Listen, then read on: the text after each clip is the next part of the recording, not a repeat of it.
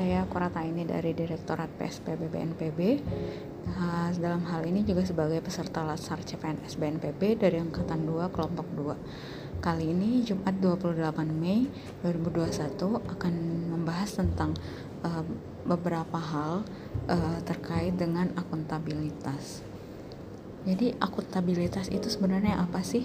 Kita sering uh, kali mendengar terkait akuntabilitas tapi agak susah untuk dipahami. Nah, kata akuntabilitas sering disamakan dengan responsibilitas atau tanggung jawab, padahal sebenarnya agak sedikit berbeda. Kalau responsibilitas adalah kewajiban untuk tanggung jawab, sedangkan akuntabilitas adalah kewajiban pertanggungjawaban yang harus dicapai.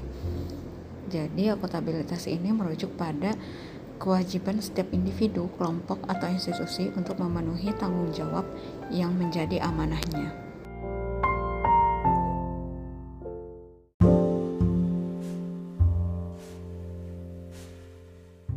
Akuntabilitas terkait dengan tanggung jawab dan menjadi amanah.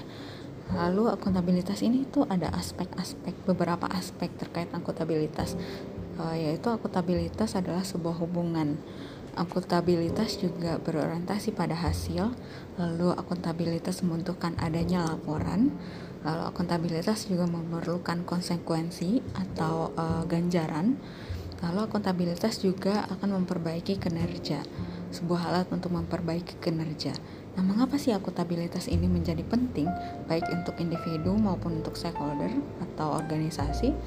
Karena akuntabilitas ini memiliki tiga fungsi, yaitu menyediakan kontrol demokratis, menyediakan uh,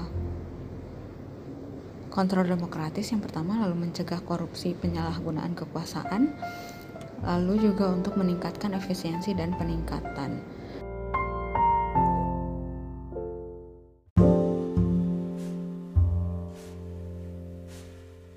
Nah, akuntabilitas ini uh, butuhkan sebuah alat kalau di Indonesia itu ada alatnya berupa perencanaan strategis lalu ada kontrak kinerja juga.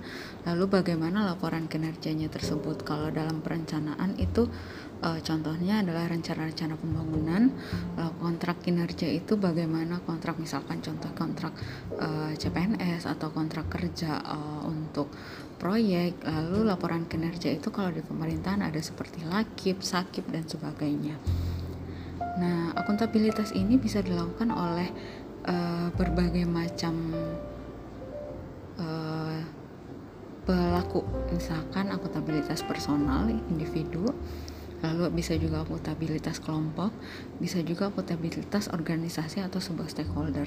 Nah, contohnya untuk akuntabilitas seorang individu atau personal, bagaimana uh, saya bisa saya sebagai individu bisa uh, berintegritas tetap misalnya tetap mengumpulkan tugas walaupun tidak dilihat oleh uh, atasan atau tidak ditagih oleh atasan. Uh, lalu kalau untuk organisasi dan stakeholder bagaimana misalkan sebuah uh, pemerintahan pusat mengatur kebijakan untuk pemerintahan daerah. Nah, lalu pemerintah pusat juga menyediakan alat evaluasinya, alat penilai kinerjanya, bagaimana kinerja pemerintah daerah tersebut menjalankan kebijakan yang diarahkan oleh pusat. Nah, sekian pembahasan akuntabilitas singkat saya. Uh, selamat sore, salam tangguh, dan salam bela negara.